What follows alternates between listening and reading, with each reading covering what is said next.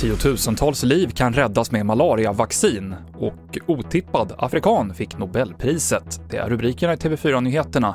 Men vi börjar med de senaste svenska covid-siffrorna. 15 nya dödsfall med bekräftad covid-19 har rapporterats. Sammanlagt har nu 14 904 smittade personer avlidit i Sverige.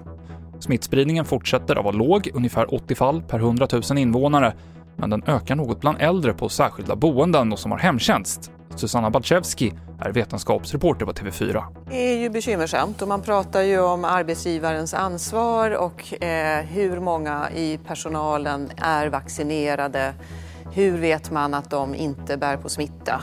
Alltså den, de frågorna är ju fortfarande aktuella och behöver ju ses över. Det sa vår reporter Susanna Balczewski.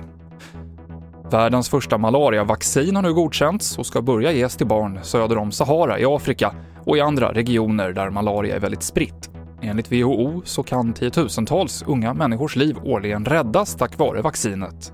260 000 barn dog i malaria år 2019.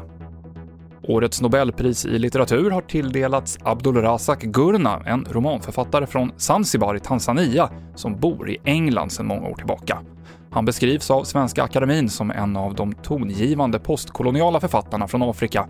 Det här är femte gången som en afrikansk författare får litteraturpriset. Och nu lättas reglerna upp inför säsongens älgjakt som inleds på fredag. I Stockholm slopar Länsstyrelsen det så kallade helgförbudet och det innebär att jakt tillåts alla dagar i veckan. Anledningen till att jakten har begränsats i Stockholm är för att skydda de som rör sig ute i skog och mark från att komma i kontakt med älgjägare.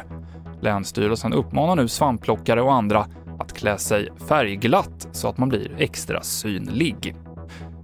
Mer nyheter finns i appen TV4 Nyheterna. I studion Mikael Klintevall.